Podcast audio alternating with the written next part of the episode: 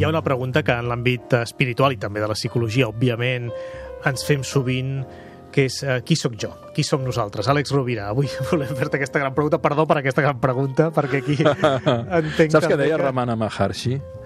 Que la resposta a la pregunta qui sóc jo no existeix perquè és la pròpia pregunta la resposta.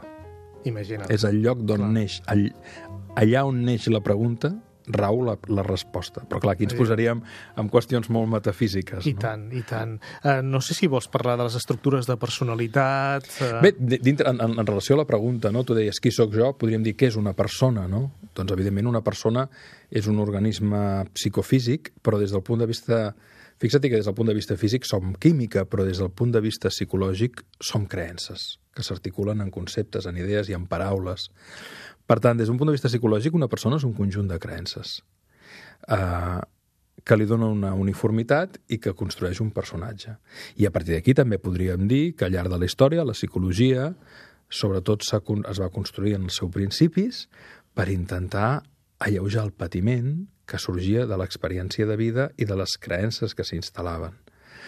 El que és interessant és que amb el pas del temps la psicologia ens ha, permet, ens ha permès veure que, per exemple, una estructura neuròtica histèrica quan està sana, quan està bé, és una persona tremendament empàtica i sociable, o que una estructura neuròtica obsessiva és una persona tremendament metòdica i treballadora, o que una estructura neuròtica passiu-agressiva és una persona que quan està bé és rebel, necessàriament rebel, útilment rebel i molt creativa, o que fins i tot una estructura narcisista quan està bé és molt líder, o una psicopàtica pot ser una gran promotora, o una estructura paranoide és perseverant i pot ser un gran jutge, o una estructura somiadora medita una estructura esquizoide pot ser somiadora i meditativa. És a dir, que no només ens hem de concentrar en la patologia, sinó que cada perfil d'aquests de personalitat que hem vist té uns, ta uns talents naturals que és possible fer emergir des d'un treball psicològic on aquesta persona vagi sanant.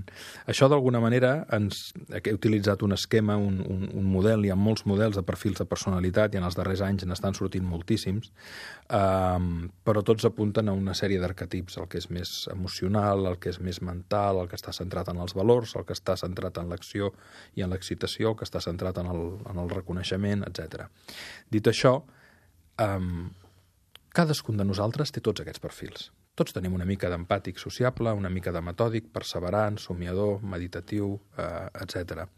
El que passa que d'aquests perfils, cadascun de nosaltres tenim un o dos que dominen clarament. I això li diríem el, el perfil de base. També pot ser que davant d'un entorn laboral diferent eh, a com som nosaltres a casa, ens adaptem i tinguem un perfil de fase, m'explicaré. Una persona pot ser empàtica com a perfil de base, però com treballa en una organització d'una cultura molt, molt, molt rigorosa, molt endreçada, el seu perfil quan està a la feina és més aviat metòdic perquè s'adapta. El que és interessant d'això és que si ens ho expliquessin quan anem a l'escola i si es fes una observació dels infants, doncs triaríem o podrien triar en funció dels seus talents naturals. El qual no vol dir que no ens tinguem que esforçar per desenvolupar altres talents. Perquè al final, fixa-t'hi que cada perfil té una intel·ligència natural. La persona empàtica té la intel·ligència emocional i social. El metòdic té la intel·ligència lògica racional. El rebel creatiu té la intel·ligència heurística, la rapidesa, l'humor, la provocació. El perseverant té la intel·ligència dels valors. El promotor té la intel·ligència pràctica. El meditatiu té la intel·ligència abstracta. Cada perfil té una intel·ligència natural. Per tant, qui seria un gran financer? Un metòdic. Pot ser un empàtic un gran financer? Pot ser-ho, però posa un empàtic a fer una tasca comercial. El faràs més feliç, farà millor la feina i després ensenya-li a ser metòdic per endreçar les comandes comercials, per exemple, que faci.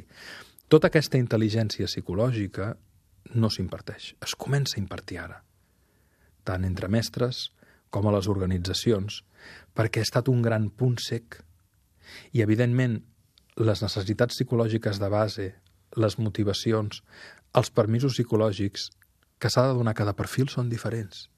Paradoxalment, els canals de comunicació són diferents. I això ho podem, si vols, explorar en següents blocs de notes de l'Ofici de Viure. Així ho farem.